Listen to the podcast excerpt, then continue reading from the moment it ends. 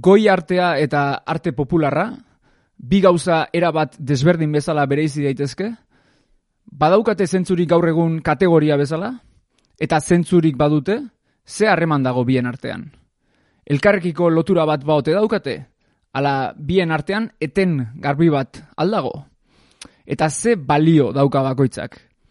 Esan aldaiteke arte bat bestea baino gailenagoa dela. Halako galderei bueltaka ibiltzeko asmotan gara datozen minutuetan. Ziur asko ez ditugu gehienak erantzungo, baina hizketarako aitzaki ematen badigute, gu konforme. Gaur sakonetan kultura popularraz eta arekin lotutako hauziez hariko gara.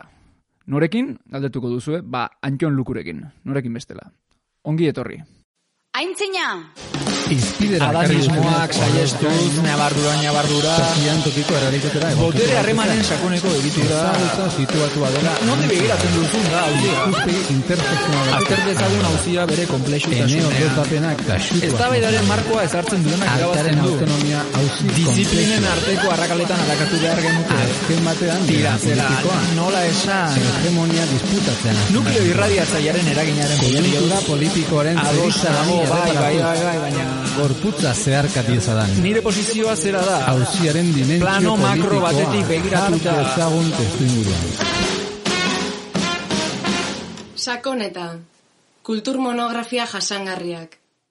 Sakonetako parajeetan zaude entzule, hemengo malkar zabaletan kultur monografia jasangarriak eskaintzen dira pauso sosegatuz beti ere.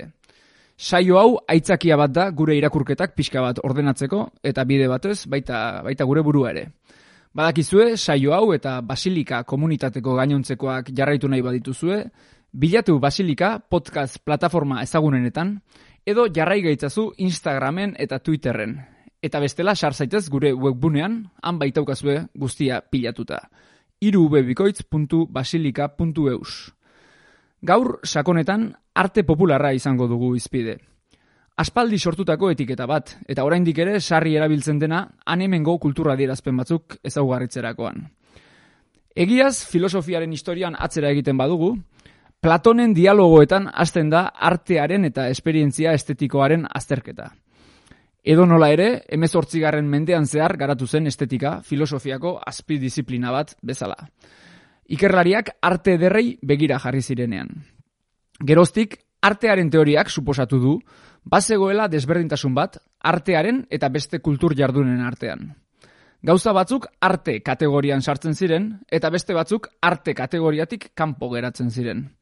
Arte kategoriatik kanpo geratzen ziren material horietako askori, popular deitzen zitzaien emeretzigarren mende hasierarako. Noski, filosofo gehienak arteari edo goi kulturari begira zeduenez, arte popularra zertzen inor gutxik aztertu zuen, eta estetika tradizionalak normaltzat jo zuen behe mailako artetzat zeukanura zokoratzea. Historian zehar, pentsalari askok jakintzat eman dute arte ederren eta arte popularraren artean desberdintasun esentzialak daudela. Immanuel Kanten bereizketa ezaguna da, ziur asko horren adibiderik garbiena. Atsegina, ederra eta sublimea bereizi zituen ark, eta oinarri teoriko bat ezarri zuen arte popularraren eta goi artearen zatiketa indartzeko. Edo nola ere, denak ez datoz bat horretan. Azkar eta simple esanez, bi teoria mota nagusitu dira auzi honen inguruan. Teoria kontinuistak batetik eta etenaren teoriak bestetik. Teoria kontinuistek proposatzen dute edozein arte formak ekoiztutako arte ederra eta arte forma horren beraren arte popularra elkarren soka berekoak direla. Hau da, adibidez. Zetakek, Ramon Martikorenarekin daukan abesti horren bideoklipean dantza garaikidean ari diren kukai konpainiakoak eta larun bat gau batez parrandan kantu horrekin dantzan ari diren parrandazaleak funtsean, esentzialki, arte forma bera praktikatzen ari dira. Ikuspegi honen arabera, arte popular mota asko dago eta beren artean ezaugarri komunik apenas daukate. Aldiz, etenaren teoriek diote, funtsezko desberdintasunak daudela arte forma bakoitzaren piezen artean. Eta artelan izena soilik batzuk merezi dutela. Eta arte popularra deitzen zaion hori, artearen erresumatik kanpo uzten dute, kritikatuz gorentasun estetikoa sakrifikatzen duen balio instrumental ez estetiko bat daukala. Teoria honen defendatzaile batzuen posizioa irmoa da. Arte derren ezaugarriak eta gusto popularra erabat kontrajarriak dira. Kontua kontu, egun arte popularra aztertzen duten gehienek, teoria kontinuisten alde egiten dute. Posiziorik ezoikoena ziur asko Leon Tolstoirena izango da. Ark bakarrik defendatzen du, halako izen ezagunen artea meintzat esan dezagun, arte popularrak balio handiagoa duela arte ederrek baino. Gustuaren gainfintasuna dekadentea da, haren ustez, arte honenaren adirazkortasun garbia murrizten duelako. Esaten zuenez, modernismo artistikoa sasi arterako lehen pausoa da. Edo nola ere, goi artearen eta B artearen edo arte popularren arteko bereizketa difuminatu eginda pixkanaka, eta egungo kontsumo gizartearen fase aurreratu honetan ematen du dena masa kulturak irentzi duela. Jada ez dago adostasunik zer den on, zer den txar, balio eta arauzarrak lausotzen ari dira. Gaiak luzerako ematen du, eta ez daukat askoz gehiago luzatzeko asmorik. Batez ere, Antion Luku daukagulako hemen gurekin, eta ark esateko dauzkanak entzutea hobe izango delako. Antion, e, kaixo? Egunon, kipa. Eta mil esker e, gonbita onartzeagatik eta onaino edortzeagatik. Ez da. Bueno, Antion Luku, mila bederatzireun eta berrogeita ma eretzian, jaio zen, San Franciscon, baina amiku zen hasia da, Nafarroa berean, Eta bueno, e, denetik landu du, antzerkia batez ere, herri antzerkia, deidakioken hori, hainbat obra idatzi ditu berak, eta baita beste hainbat e, egokitu edo moldatu ere, ba, askotan tobera, karrusa eta euskal antzerki zaharraren formetatik. Lukuren antzerkia erabat lotuta dago, bertsolaritzarekin adibidez, eta dantzarekin, eta euskal arte darama propio bat izan du izpide sarri bere lanetan, idatzi baititu, hainbat lan ere ba, antzerkiaren inguruan. Libertimenduari buruz gogoetatu dituenak dira horren erakusgarri, besteak beste. Bueno, Anjon, ez da egite, azteko eta behin, e, galdetu nahi nizun zure bilakaera pertsonalari buruz. Noiz eta zergatik hasi zinen zu eh, kultura popularrera gerturatzen, e, antzerkira, e, zer piztu zizun interesa eta nola izan zen hori? Bon, egun denek, e, hori, e, nola ezan, kanal popularetik, jin baitzi zautan e, delako kultura nozione hori. Jin baitzait e, etxetik. Eta paradoxa da, zenta e, jinda desagertzen ari zerarik. Kasik, ez? Erramita gure belaunaldiek dugu ezautu zinez etena, Baina nik e, oseba banuen biziki e, dantza maite zuena eta aitak aipatzen zuen ola artetan e, Siberoko partekoak e, ziren amain aldekoak eta e, kantuak eta maite, eta ni uste erakartzen induen azkar e, mundu horrek, e, uiniz aski gazte nintzen lehen maskarada ikusi nuelaik, e, izan ziren herrian ere, bai, bazen gizon bat antzari fama hundia zuena, e, elgar izena zuena, eta horrek bildu gintuen erakusteko, etzen sobera lotu ez, zenta gara jartan preseski, e, e, nola erran, e, e, berbena edo dantzaldi dantza horiek sartzen ziren eta e, numeit e, e, ieie modaura eta er, ene ustez ez zuen hainbesterak hartzen eni gustatzen zautan e, izigarri e, hori eta zinez erakartzen ninduen. Eta sekulan adi, adi kantuxarrak ere eta adi egon aski e, gauza horiek eta parada ukandutalai ba dantzan e, hasi nintzen.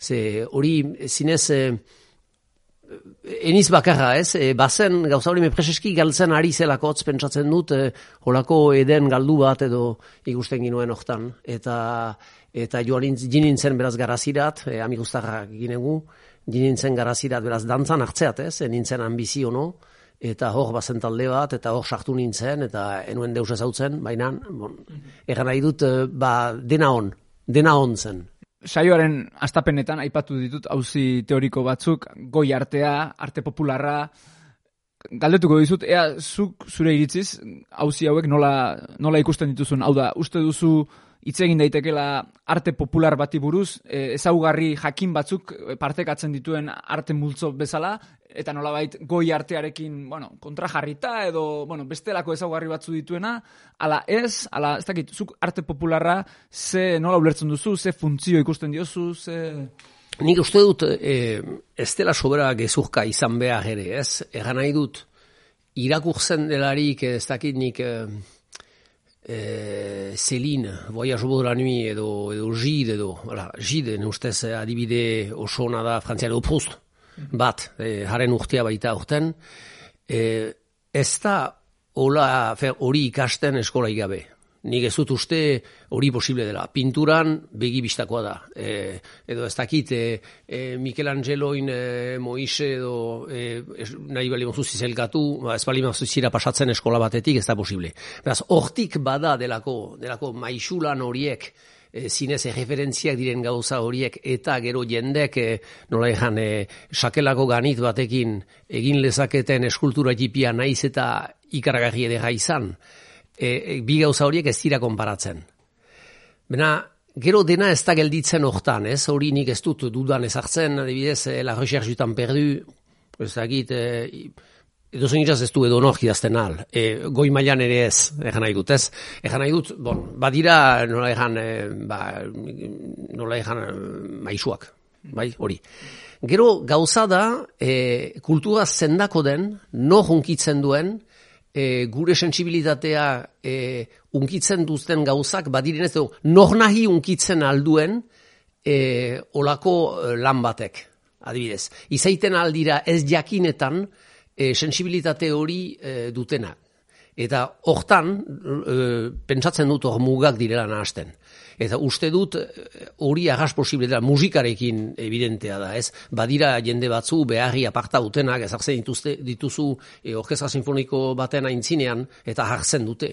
Hartzen dute baitute zera eta orduan zerbait eginen dute horrekin, badira ere bont, e, ba, trikitilarien adibidez e, adibidea e, argida Gipuzkoan nola hartu duten, nola beharritik eta klak, hori berriz pasatu baitute arte popularerat lan hori ez dakinik eh, adaptazio lana da, mena eh, sojuntza lan eh, handia, handia, handia da. Eta mm, hori enustez ezin da ezabatu, ez? Eta orduan muga horiek hor konprenitzen dugu askifite lausurtzen direla, kentzen balin badira zinez berezi bereziak diren maisu obra horiek, eh, adibidez literaturan eh, bekbede batek egiten duenez itxaro bordai baino beki, Ez dakit, nik azteko nezaket jenka, bena bon komprendu zire pentsatzen dutela, ez ez. ez. Era berean, ez dakit horre ere bada beti ardatz bat oso lotuta ez da dauekin, goi artea, ala arte ederra, askotan lotzen da, norbanakoarekin, ala individuarekin, eta arte popularra aldiz e, gehiago kolektiboari, ala, ala komunitate batei lotuagoa, ez? E, Ez dakit, hor, uste dut zure libertimenduari buruzko liburuan, e, irakurri dizu dela zerbait, libertimenduaren funtzioa, edo, nik uste dut arte popularera ere e, pasa daiteken funtzioa dela, e, komunitatea trinkotzeko funtzioa, ala, ala ez? Hori, funtzionalitatea da, e, e, beste gauza da. Na, nik uste dut, e, libertimenduarekin eta ukandutan e, maitemina edo, jiten dela, ene usaz, e, bada munduaren ikusteko e, ikuspegi desberdina, ez? Eta hori deitzen aldela popular nahi bada edo elitista nahi bada, bena, ene ustez e, ikuspegi populara, libertimendua pentsatu duten artista horiek, nik pentsatzen dut baitut e, artistak badirela eta asmatzaileak, baina bereziki empirismoa bat bada. Egan nahi dut gauza hori egina da geruzaz geruza eta hemen datu bena. Numeit mentalitate hori fabrikatzen da gauza e, simple baten gainean. Da ez dela sinesten artista osoaren baitan. Egan nahi baita mentalitate popularean e, jendeak uste du e, dena duena ez dela. Beraz, e, zuk nahi bali maduzu maila bererat heldu, eta ez dakit helburua zen ez, baina heltzen ziren, alaike maila biziki gora batetat, eta hori egiten da talentuen partekatzetik. Konparaketa baten egiteko, ez dakit, lotua da ere, eta barrandiaran kontent izanen da, trinitate bati, ez? Bada, e, jenkoa, semea eta espiritu sendua. Jenkoa, e, erreiten da jatorrian, e, astaperean zen hitza. Jesus da gorputza eta bestia da ez dakitze, espiritu garbia, bena eman dezagun direla horiek hitza, gorputza eta e, artea. Numeitez. Eta horiek behesiak dira, bat egiteko undarrean, baina behesiak dira. Eta numeit erraiten aldugu dela bersolaritza, dantza eta musika. Eta numeit, talendu ezberdin horiek, e, persona batek ezpaititu e, dena kontrolatzen. Baina denen artian, biltzen ditugu plazarat gauza horiek. Eta delako e, hiru horien detonatzetik e, ateatzen da delako artea. Neok ez du for, formulatzen, hola. Mena, hortan sinesten da. Er, jendek badakite, ba musika e, jari galdin beharzako. Dantza beste bati, eta ez dakitze. Baina, memento bat murian, behar delaik hortaz aipatu, eta hori libertitzea zen aipatzen dut, e, erten zautaten adibidez, ba, e, nik bersu solas nahi nuke izan, ah, zoazi horren ikusteat, hori dantzaria izan da. Eta intzen dako dantzari batek, zenta entzat, e, denak e, sukalde beretik atiatzen behitira jende horiek. Ez? Erre behita, interes hori, delako kulturaren dako e, den interes hori, e, persona beren baitan, e, baitan naiz eta bere kompetentzia hobena, bere gaitasun hobena ez izan nomeit beitakite denek bestearen beharra e, badutela. Eta nik uste dut arte populara, arte popularak ez du sinesten, naiz eta badiren, guai performer, deitzen diren orten, guai beitira musikari, eta kantari, eta opera kantari, eta dena beitakite, eta nomeit berak dira artea. Persona bat, ados, e, mentalitate zaharrak ez du hori e, e, onartzen, edo sinesten sinesten. Onartzen behar badabai, badirela batzu, ez? Nun behitan. Adornok goi artea eta arte popularra kontra jarriz. Berak esaten du, arte popularra kondenatua dela, nolabait, e, lenguaia eskuragarri bat erabiltzera. Hau da, denek ulertuko duten lenguaia bat erabiltzera. Eta ezaugarri horrek, bere ustez, kondenatzen du formen estandarizazio batera. Eta berak esaten du, formen estandarizazioa nolabait oso gertu dagoela merkatuak nahi duen kultura egitetik, ez? Eta berak horregatik lotzen du goi artea, arte forma sublimeago batekin, nolabait forma ez estandarizatuak darabiltzalako, ez? Eta hori galdetu nahi nizun, ea forma estandarizatuetatik egin ote daiteken arte on bat. Hor, bi gauza badira, ez? E, badira gu gure tradizioan edo gure oiduran edo, e, erraiten dugun e, erraiten dugun arte popularra. Hori da gauza bat, ez? Eta gero, bada, mazmedia eta errenut, e, Ameriketatik, ez? E, Warhol eta ezakit eta eta e, nolejan e, musika uhain horiekin eta jinden, e, arte, nola egan, eh, beste arte populara, ez? Nabi gauza horiek enetako ez dira nahasten. E, masa delako arte horiek dira deus ikasi gabe e, hartzen dituzun gauzak, ez? Eta helburua dira, ernai behita zu maila apaltzen baduzu, ba, orduan, e, erosteko gizan dira, e, kasik deusakin gabe, ez? Eta hor da, bon, hau da gauza bat, eta e, hori da egia e, erran zabaltzen gerota gehiago. Na, hori, horiek nahi bauzu globalizaziotik egiten dira. Eta nahasten dira hemen, globalizaziotik egiten direnak eta besteak. Eta nahi da e, konsideratu bi gauza horiek e, nola erran gauza berdina bezala. Dakigulaik biziki untza, e, delako guk e, herri eta e, kultura deitzen dugun hori, ez dela ikasi gabekoa. Egan nahi baita, badu gibelean transmisio e, nozio bat, eta baita ere e, e, eskola bat. Naiz eta e, Joseba Tapiak sasi eskola edo lage eskola izan hori e, bersu e, txapelketan ikusten da, ez, nik telebistatik beratu hori, eta ikusten duzu bersua finitzen ari, eta publiko guziak e, bukatzen du denbora berean. Ba, hori ez da publiko bat, ez, dira bersulariak. Egan nahi dut, bersulariak dira, ez, eta bersu eskolek aga fabrikatu dute gauza hori, ez. Ze, Egan nahi dut, e, ikusten dute jakintza batetik. Na, bigarren gauza, maskarada batean, edo libertimendu batean, zaharrek hori behatzen zutelaik, ez ziren diten plazarat tesiaten idazteko, gauzen esplikatzeko, guk hemen egiten duguna. Onartzen zuten badena ez dakitnik. Badakit hau da, bena, eta sekulan ez ziren sartzen delako esplikazio ere muhtarat.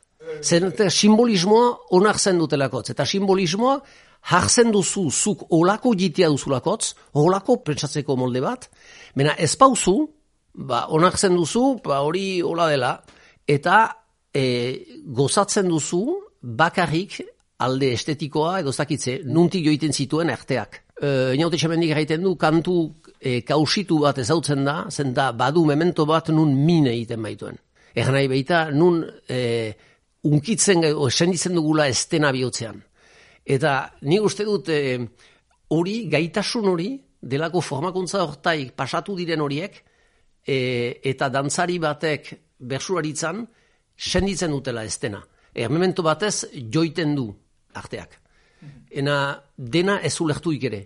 Eta bestiak, egan nahi baita delako e, e, arte popular e, guai masifikatu horrek, e, saldu behar du, beraz, saldu behar du, bere ustez konprenitzen duen bati, eta konprenitzen du, ez baita fitxi konprenitzeko.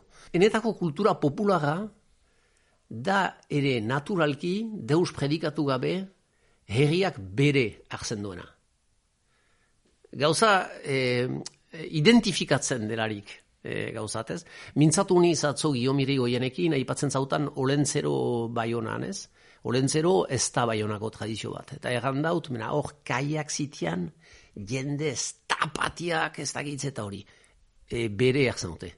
Hori evidente da e, bersuaritzan badela olako zerbait gipuzkoan beden. Ari nintzen pentsatzen, txapelketa bera so, sorreratik izan dela instrumentu erabat e, homogeneizatzailea, hau da, irurogeiko amarkadan, bizkaian, lehen da biziko txapelketak egiten zirenean, Freddy Paiak badu, liburu oso interesgarri bat, bizkaiko bertsolaritza nolakoa zen txapelketa horien aurretik. Eta berak esaten du, esate baterako, zortziko txikia, neurri bezala, bizkaiko ekialdean, hau da, e, gipuzkoatik urrunen dagoen tartean, Etzela, etzela existitzen, hau da, han zortzikoa osatzen zutela bi koplen arteko batasunetik, hau da, lehen bi puntuak elkarrekin herrimatuz, eta ondorengo bi puntuak elkarrekin herrimatuz, eta osotasunak tematikoki bazuen alako zentzu bat, baina bi herrima mota desberdin Bai. erabiltzen ziren, bi kopla batzen zirelako. Badira olako kantuak siberuan ere. Ah, bai? Ah. Hori oso interesgarria, ze, Bai. bietan da kopla tradizioa Ah, bai. handia, ez? Ez dakidana da, uste dut, bizkaian koplak narratiboagoak zirela, eta siberuan eta naturako elementuak eta etenarekin, eta... Uste dut ere, eh, eh, transmisioa egiten zela, e, formatzen zela bersuare ditxotik. Eta orduan, e, ditxoa da e, oinarria, eta hor bi ditxo dira e, egiten baitute bersua. Ditxolariak, eh, adibidez, erraiten zen Salvadorren, ez egit, ama edo, e, ditxolari e, sekulakoa zela, eta, eta e, guai tritzua erraiten dute ere baxena farroan gauza horri, eta erantzuna egitea hortan zirtzila, e, ditxoz e, mintzo zen, eta bersulari txarrak ziren zirtzil. Nik uste dut, errimaren e, virtuositate hori oso popularra dela. Eta lotzen zen, ispiritu trebeziari e, gauza hori, nahi baita inteligentziari, klarki erraiteko, ez? E, eskola guti zelaik eta hori guzia, ez? E, ditxolari oso ona zen e, gizon abila. Bai, pixka ga- gaiz beste egitea da, baina e, bai galdetu nahi nizun, aipatzen ari garen trinitate hau eta joko arau hauek dituen herri antzerkia, noski, Euskal Herrian sortu den fenomeno bada, eta zuk hor- hori teorizatu duzu. Galdetu nahi nizun, e- ea zenbateraino esan daiteken, hau Euskal herriko zerbait denik, ala zabalote daiteken, kasi Europako kultura, herri kultura batetara. Groteskoa, inauteri kultura, esan dut, hor badira ezaugarri zabal batzuk, eh, herriz herri, eh, patroi antzekoak eh, errepikatzen direnak, han eta hemen, ez? Iauteria, iauteri behar hori, eta hori urbeltzek eh, oso ongi eta du, Europa osokoa da, eta urgunago ere. E, badira, arzen bali badira Europako eta mm, zera iauteri guzien argazkiak ikusten dira, badirela joaldunak han hemen, e, zaldi jendeak edo e, badirela nunai, eta hori, e, uste dut, e, personaiak ere ez direla numeit originalak, ez? Zabaldua dira, guai, e, liburu ba, oso bat egin dugu beltzek e, delako Mor, e, Maurice Dancers e, hori buruz, eta ikusten da, e, Lapurdin e, emaiten duten e, marmus dantza, emaiten dela Inglaterran dorzeten, e, bon. Egan nahi dut hori argi da, importanta dena, ene- eta hortan populuen iraupenerako, da iauteri espiritu hori zer den. Zergatik garai hortan nahi dugun atea, zergatik beti funtzionatzen duen, eta ez bakarrik hemen, nik uste dut eh, leku guzietan, bada hori negutik ateatzean, guai aldaketa klimatikoarekin behar pasatuko da, bena, azteko bada memento hori nun mobilizatu behar den, olako gauzat, irritual bat, eh, bada hor gauzatzen dena. Horren nahi bauzu eskoltasuna, eh, da interpretapenean.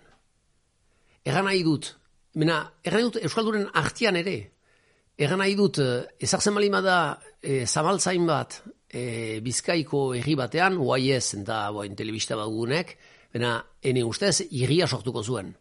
Ze, egan nahi dut, hau zer da, Ez, egan eta e, dantzan arzeko perfekzio hori, ez, e, siberotarrek oso urrun eman dute e, arte hori, nik uste dut hori oso siberotarra dela.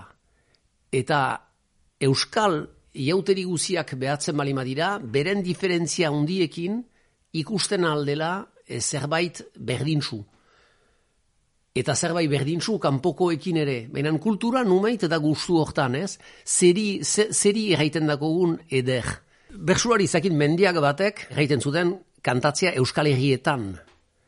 E, ez dute gogoan, adibidez, e, ez da euskara bat, ez da, bon, ez, dena ikusten zuten aski e, hausia, baina euskaldunak gira alaike denak.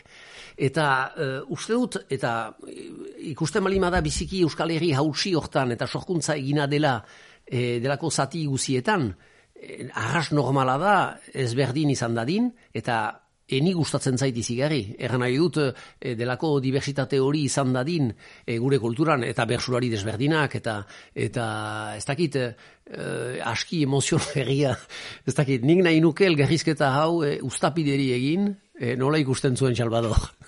Eta nik uste dut mire zuen handia, edo ez dakit adiskidantza handia, ukan duela gizon eh, horrekin, baina nomeite oso agaro e, atzeban behar zuela. Ene ustez, ez? Naiz eta bersuaritza bezain azkarra den gauza batek, e, biak bil, bildu.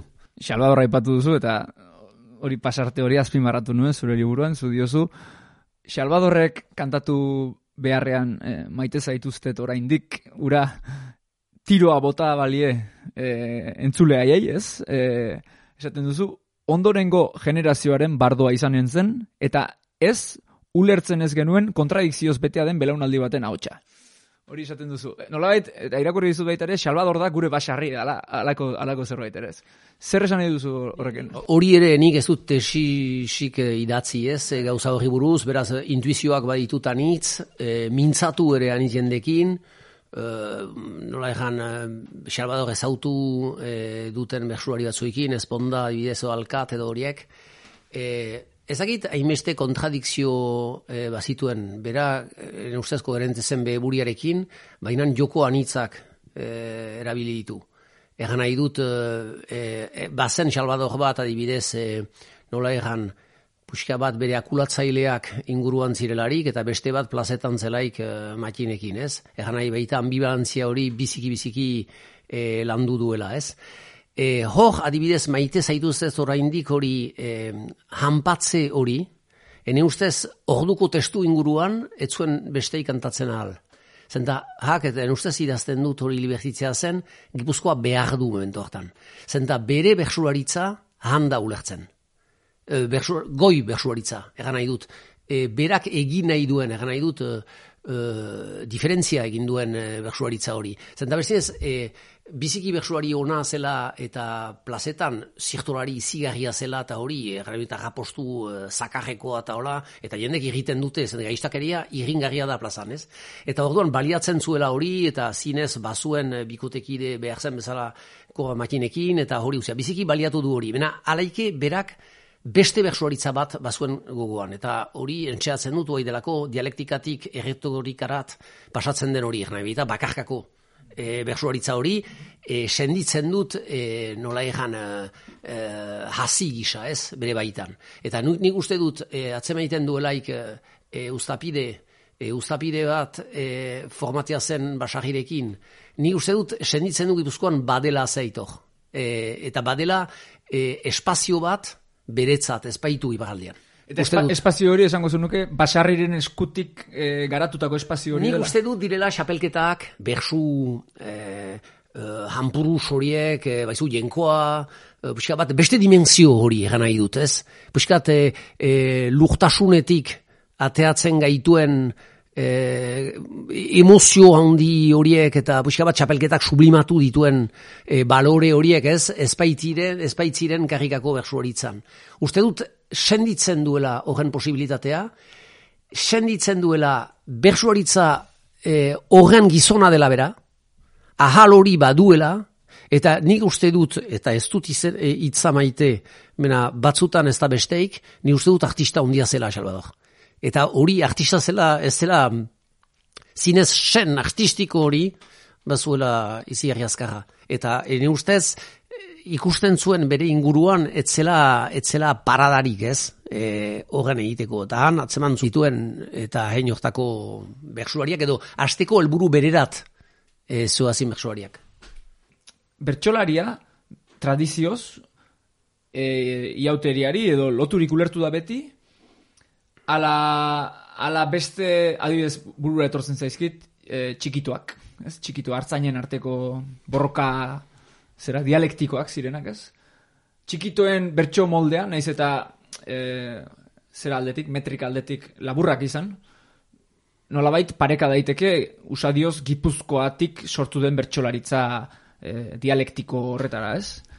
Aldiz, zuk aipatzen duzun arabera, epaile funtzioa bete dute iauterian iparraldean koplak ere hor dira. Eta kopletan, aldiz, beste bertsolaritza lirikoago bat ageri da, hasiran naturako elementuak aipatzen dira, goiko zeruan izarra, beko tal, eta gero mezua, tartean eten bat dagoelarik. Hor badira, molde desberdinak ikusten ditut, ez dakit baden tradiziozko molde, osea, bertsolaria egonote den tradizioz eh, horietako batetik gertuago, ala dena alako anistasun bat eh, guztiak zeuden nolabait bertsolaritzarekin lotuta, ez dakit ulertzen den ze Gipuzkoan badiru diez, e, apustu giroko, desafio giroko bertsolaritza hori oso Gipuzkoarra izan dela, Bizkaian ere kopletatik sortutako bertsolaritza bat e, badiru dizela ezagutzen dugun zaharren abeintzat. Ez dakit hori iparraldean nola ikusten duzunzuk, zer, zer den lehenago, zer... Bon, iauterian, libertimenduan hori ala dela, Uh, Aprepes, e, funtzio hori eta numeit uh, publikoari uh, ordrea ezartzea kaos hortan, uh, bere funtzioan da. Maskara da joiten delaik, uh, ez dira uh, babatian ari, uh, Ari dira bersu ikasiekin. Eta ene ustez, biziki lotia da uh, bozari edo kantuari uh, emaiten dakozun estatutuari. Eta siberuan handia da. Egan nahi baita, hor da e, pastorala ere bai, pastorala, e, pastoralean dena botz da. Egan nahi du bozak du errola egiten. Ordean, e, eta, eta xorrotxa numeit ere bai. E, uste dut lotzia dira. Aipatzen dituzun txikito historio horretan, hor, e, erran behar da gauza bat ere e, importanta dena, e, hortan hori mendian egiten dela. Erramita hor kantatzen dute mazela batetik besteat. Beraz, zendako finkatu da olako lekietan, delako beitakizun undiren bestiak, baina urgunegi da ikustia joiteko, eta badira olako desafio horiek, e, bon, leku batean e, bizizira nun espaita elizaren kontrola, beraz, botatzen aldituzun e, zerrikeri handienak e, kontrolarik ez da eta baliatzen dute hori, bada ere delako gazten e, formakuntza hori gibelean, eta bada ere e, delako, e, zera, e, zendako ezten metrikarik historio hortan, preseski sibero tarrak kantari gaitzak baitira. Gero, zuk aipatzen dituzun, noiz kantatzen duten. Alors, funkzio, nik uste dut, oastian erraiten nuena, e, txapelketan dena bada, errabita funtzio guziak numaitez, eta ahantzi gabe, e, ene ustez maixuki, e, zera esplikatu, mendiluzek e, e, esplikatu duena, delako ni dineniz plazat bakarrik elgarrizketa baten sortzeat. Hori zait interesatzen. Eta hor bada delako e, ez da bada bat ukaiteko zeri erraiten dugun lehia. E, errabita, pundu kondaketa bat badenez, edo denez antzerki zati bat, nun alegia ari giren bata bestien kontra, Bena, ez da joko bada, uste dut delako alegiazko eta delako zirto botatze hori, eta delako, oastian erraiten nuen, e, gaistakerian da iria. Eta antzerki guzietan hori sarrazten duzu gaizto bat, irringarria da. Ze, e, uste dut funtzio guziak e, hortan direla. Eta gero bada beste bat, delako ohorezko bersuena, e, e, delako, guai pentsatzen aldugu, e, guai bersu, e, nola egan, e, afariak eta badira, eta bersuari batek kantatuko du bati. Baso egin zeburu egiten duen. Bada, e, balakatzen du izi herri, oso, biziki untsa hartzen du, bera izaitea bersuaren zentroa ez. E, dut, eta horrean pentsa lehenago. Pentsa etxetaik ateatzen ez girelarik, edo plazan, edo e, jeusten da neskame bat, eta bersuariak kantatzen dago zerbait, ba, bizi guziko emozioa da. Fean, erran nahi dut, eta, eta oso konsiente ziren, delako ahal horrek, e, emaiten zuen bapoderea eta ze plazer iturri zen ere jendentzat eta nik uste dut funtzioa e, izigarri zabala dela eta hor anzten ditugu ere bersu paperak. Adibidez hor, eh, kopla zaharrak, non sartuko zen, ah, ba, li, zera ez, hor bada, zera poetiko, lirikoago bat. Ba, bai, mena, e, nik uste dut magiare, e, izi erri importanta dena, eta munduaren ikuspegi bat, basat hori, hori libertimendu guzia da. Egan nahi dut, eta esanti bate hasten da, eta kantatzen dira bersu horiek, e, guai, e, gauaz, santi bate giroan, puxka bat horiek bada alderdi nokturno hori, ez egin dut, e, ulertzen ez duguna, ez? Eta ez da entxeatzen esplikatzen, mena, hor da gure eremua, eta hor gu gira barnean, ez? E, delako basa eta etxia eta, eta, eta jenkoa gainean, eta, eta ura, eta, izu, eta zu numeit kantatzen duzu puxka bat e, gaindikatzen, e, gainditzen zaituzten e, indarrek, ez? E, zera, eta horiek ez da kasualitate bat, ez? Gau horietan, biurgune gau horietan dira kantatuak, errepikat, errepikatuak, beren alderdi magikoarekin. Hori leku honak esplikatu zuen oso ongi ez, leku zaharrak. Aipatzen duzu bertso estilo bat, deitzen diozu emozio komertziala bilatzen duena. E, nolabait tendentzia bat, e, poesia melengakeriarekin hasteko. Ez dakit, e, non ikusi duzu hori, e, eta, eta ze- zergatik e, deitu dizu atentzioa bertsolaritza mota horrek, eta ze, ze iritzi duzu bertsolaritza horren inguruan. E, hor, izan dakoz fase bat, nun atxulutoki e, bersu ona nahasten zen e, nigar kar, kargatu bersuari. Eta hori sinesten badugu, ba, ez da txirritarik. Ulertzen ez? Egan nahi baita, e, ari zen bersularitza espezializatzen, nunbait, e, nigarrean edo. Bai? Eta izan ziren, ezakitik Gipuzkoako xapelketa batean, edo atea zen biamunian, ma, hau zer da, e, sinistroza hori. Dena, Hori ze garaitan kokatzen duzu ez bereziki? dakit, e, Erogeita marreko markadan edo beranduago? e, beranduago, 2000 eta... bi mila hor. Aha. Hor. Izan da, nun, guai, eh, puxka bat, eh, espezializatu zinez, eh, eh, nik uste dut badela eh, lopategi arteko eh, txapelketa bat, eta gero, eh, eta gero, nola egan, publikoa ere jaberritu da, eta numeit eskatu dira eh, bersu eh, emozionagarri horiek, ez? Eta ze azalpen bilatzen diozu horri? E, nik egan nahi dut, batzutan, e, e, azken finean, ez da gauza hondik erraiten, mena bilatzen da, e, bilatzen da e, sendimendua bakarrik.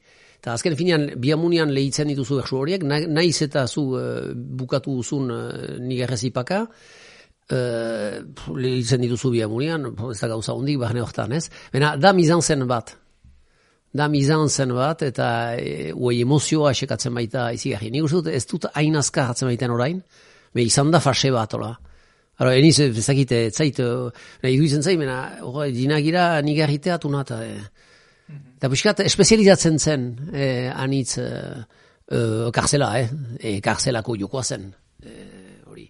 Eta zinez kontrastea ontia bazen, e, bon, nik binakakoa biziki maite ukan dut beti, e, Bena, nun eh, alegera zen, bizia, eta ezagitze, eta jo, karzela hasten zen, eta horan, hor, bersoak, ez dakit, eh, hamalau puntukoak, eta bum, eta bum, eta eh, oi, zera emozioa goitia azten, eta goitia azten, eta azken finean, pff, ez gauza hundiri gerteko, ez? E, eta, ba, bakit, entzun nuen, eta enusa soro zabali zen hori, nahi nituzke bersu horiek guziak entzun, e, sortziko nausian. Zer gelditzen den, ez? Egan nahi dut uh, bersutik, ez? Hori guztia delako, behatzi puntuko hori, tinkatzen bali mauzu e, la, lau eh, oinetako batean, bateat, eta zer bat, ze, ze gelditzen den. Eta nubait hor ikusten da, e, anitz errimak emana direla hor delako emozioen goitia azteko edo.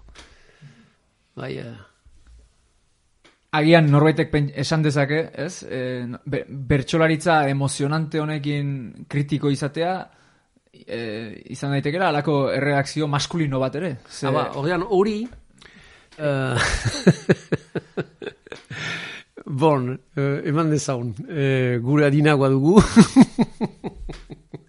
ez dut uste, ez dut uste. Nik ez dakot, eh, ez dut atzemaiten uh, nerea Ibarzabal biziki femininoa beti. Egan nahi dut, eh, ez, ez, da, ez da lotia eh, hori ene ustez... Eh, Bada beste gauza bat, bena ez da e, guai, mazetasunari lotia, e, ene ustez da, e, e, ni uste dut literaturarat joiteko apostu hori, guai, entzuten baita, adibidez, behar da bersuaritza, bersuaritzatik atea, literaturara joiteko, hori dela gehiago, e, autua. Bena hori, ene ustez, ez da proposamen bat bezik. Gero ikusiko dugu herriak hartzen duenez, eta ze proporziotan. Uste duzu herriak oraindik ez duela hartu. Ez ono. Emozioaren bertsolaritza herriak oraindik ez du asimilatu. Uh, izan, da, izan da moda bat, izan da memento bat, denek maiteukan duguna, nio iniz eibarren egainak kantatu zuelaik e, delako e, zera, itxuaren e, bersu horiek, e, nigar egin nuen gogotik, eta, bueno, eta gero nik erten dut hori, e, de, ene buriaren defendiatzeko. Zer ni oso sensible niz, gauza horiek, eta negarra botatzen dut aize, eta sekulan e, izogatia baniz, e, oi, e, zera, nola egan, atxalde guzian, gero atatzen niz, kesu etxeat. Hori ere bada, eh? Klarieteko. Eta delako eh, parte femininoarena, adibidez, eh, niz defendiatzen horren kontra bate, bena uste dut eh, sensibilitate hori badutala, eta, eta batzutan nahi nuke eh, txirita izan, eta kantatu uh, Hilda Kanobas. Bai, esaten izun hori, ze nolabait, e, aipatzen ari garen usadiozko pertsolaritzak, eta pixkat Joserra Gartziak ere erretorikan teorizatu zuen hau izan zen, ez? E, argudioa zentroan duen bertsolaritza bat da, ez? Nolabait, arrazoien trukaketa bat, ez? Eta eta horren aldean, eta noski, bistakoa da, bertsolaritza ura ere, garatu zela, denak gizonak ziren e, eremu batean, tradizio batean, Bai. hau da, bertsolari emakumeak hasi dira etortzen, ez dakit, ba, larogeiko amarka da, baina pixka balenago, arantzazuloidi, eta hauek izan ziren lehen da bizikoak, ez? Berrogei, berrogei urte eskaz daramate emakumeak bertsolaritza. Ba, bena, barka, ben, nik arrantzazulo idita, e, ez dut, um, guai, uh, uh, mardara azta horiek, e, ene ustez hor emazteak ez dira sartuak. Aha. Ono. Alors, barka, ba- barka bezate, eh? Bena, egan nahi dut, zenta, bersulari horiek e, izan dira betidanik. Egan nahi dut, uai, otaino hori adibidez e, bersua botatzen dakola, edo eh, txa- txirritari otainoren hilobak botatzen dakola bersia eta hori, bersutan bazakiten emaztek.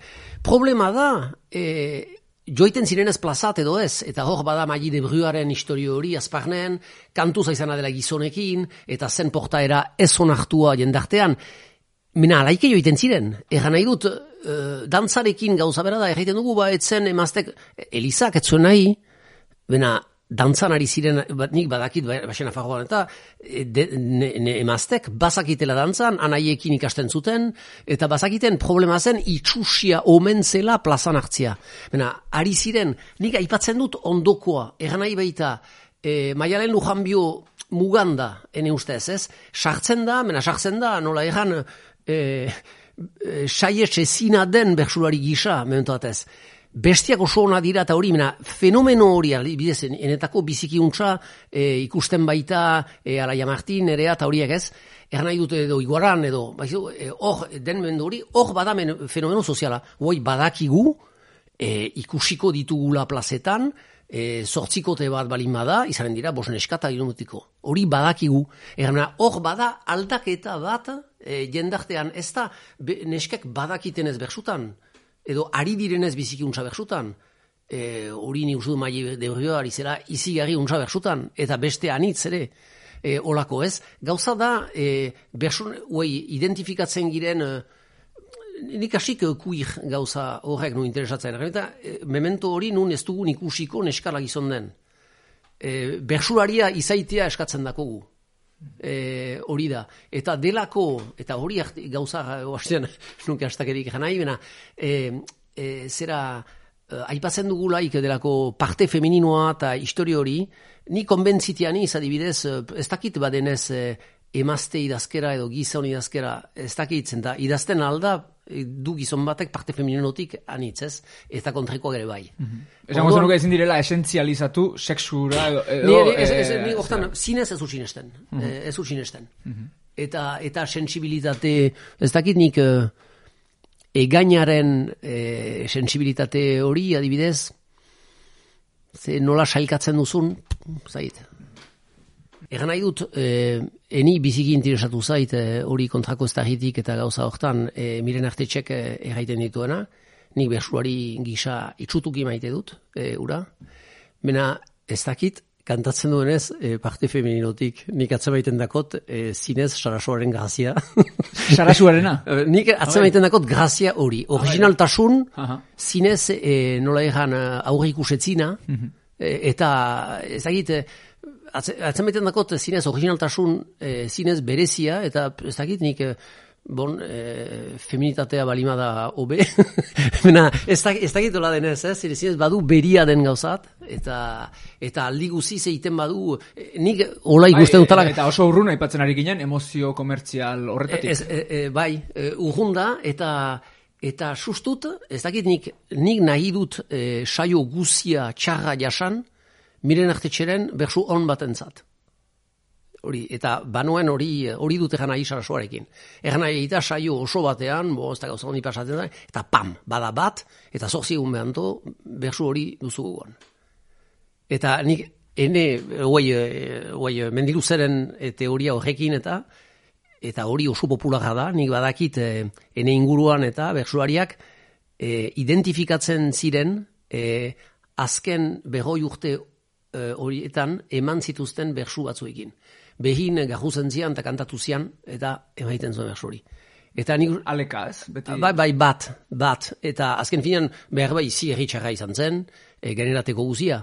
Baina, ohua, ez? Eta zedarritzen du gure memoria, eta beraz gure kultura.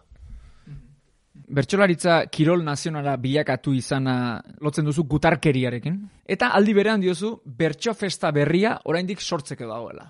E, bueno, agian bigai desberdin dira, eh? baina e, ba, lehen da bizi, zergatik kirol nazionalarekin gutarkeria abiatzen da, eta zergatik dago sortzeko bertso festa berria, eta nondik nora jo beharko luke festa horrek, zure ustez. Orduan, ni eh, enizki kilduko hori datzik, bena, egan nahi dut, eh, nola egan, konprenitu behar da, eh, idatzia izan da hori, eh, pixka bat, eh, libertimenduaren, ereduaren inposatzeko.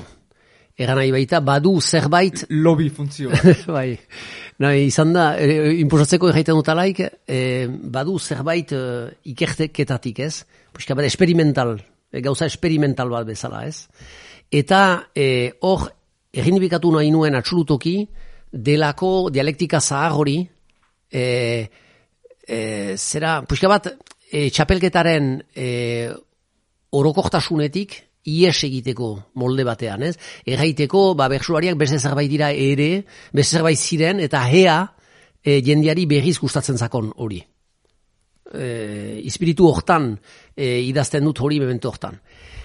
Zergatik, zenta hor bada, txapelketa asmatzen dute, oita e, Hamabostean. hamabostean. Bon, eta hor dira, delako, bon, espresa iniz, e, e, puxka bat e, irriteko ere, mena, bon, aitzol, eta bon, banda guzia hor da. Mena hor zer da ere, berriz ere krisia historio bat.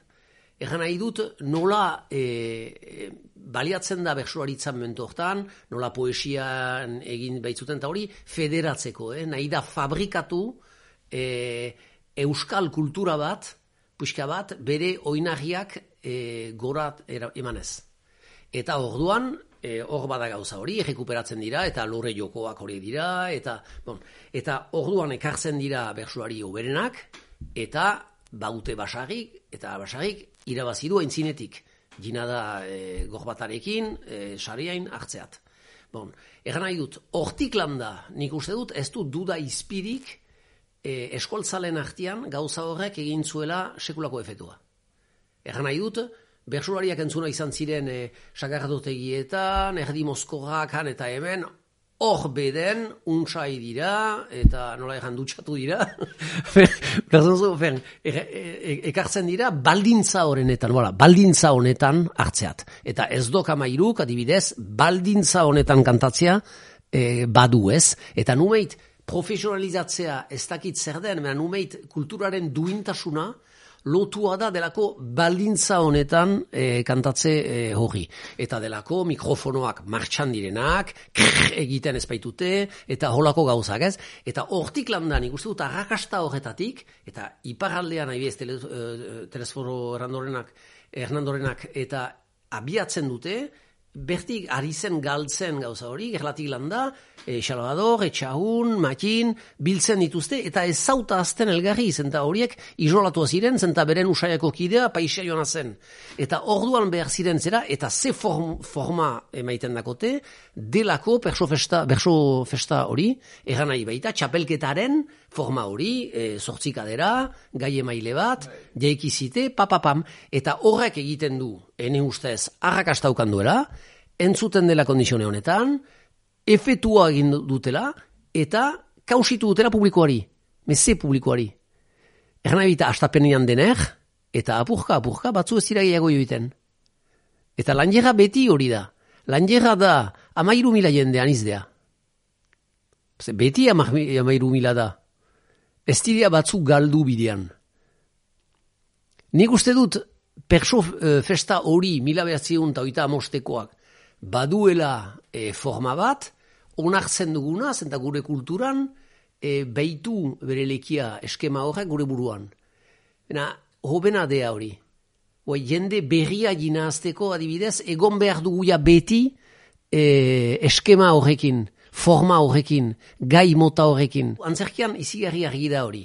Zuk emaiten bali dituzu beti antzerki mezudunak, erraiten zuten bezala, publikoa txipitzen da.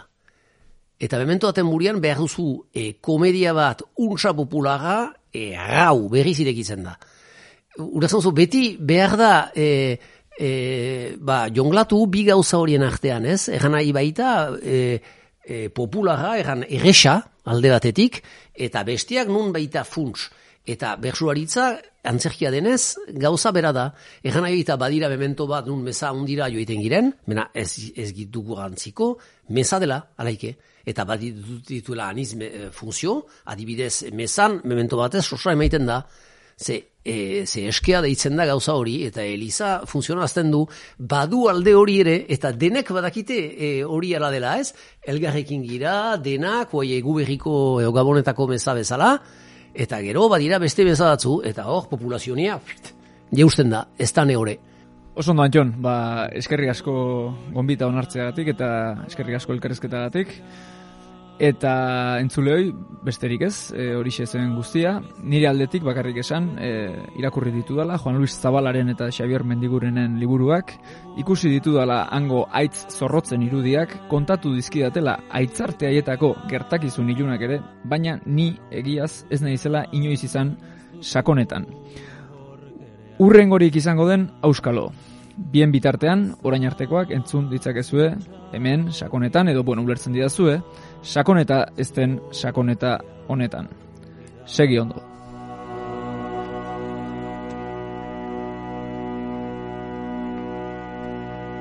Manamendu igorten du mundu guztietarik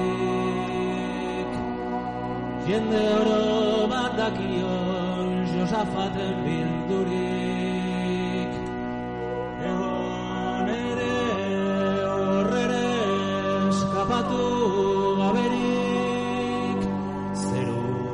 eta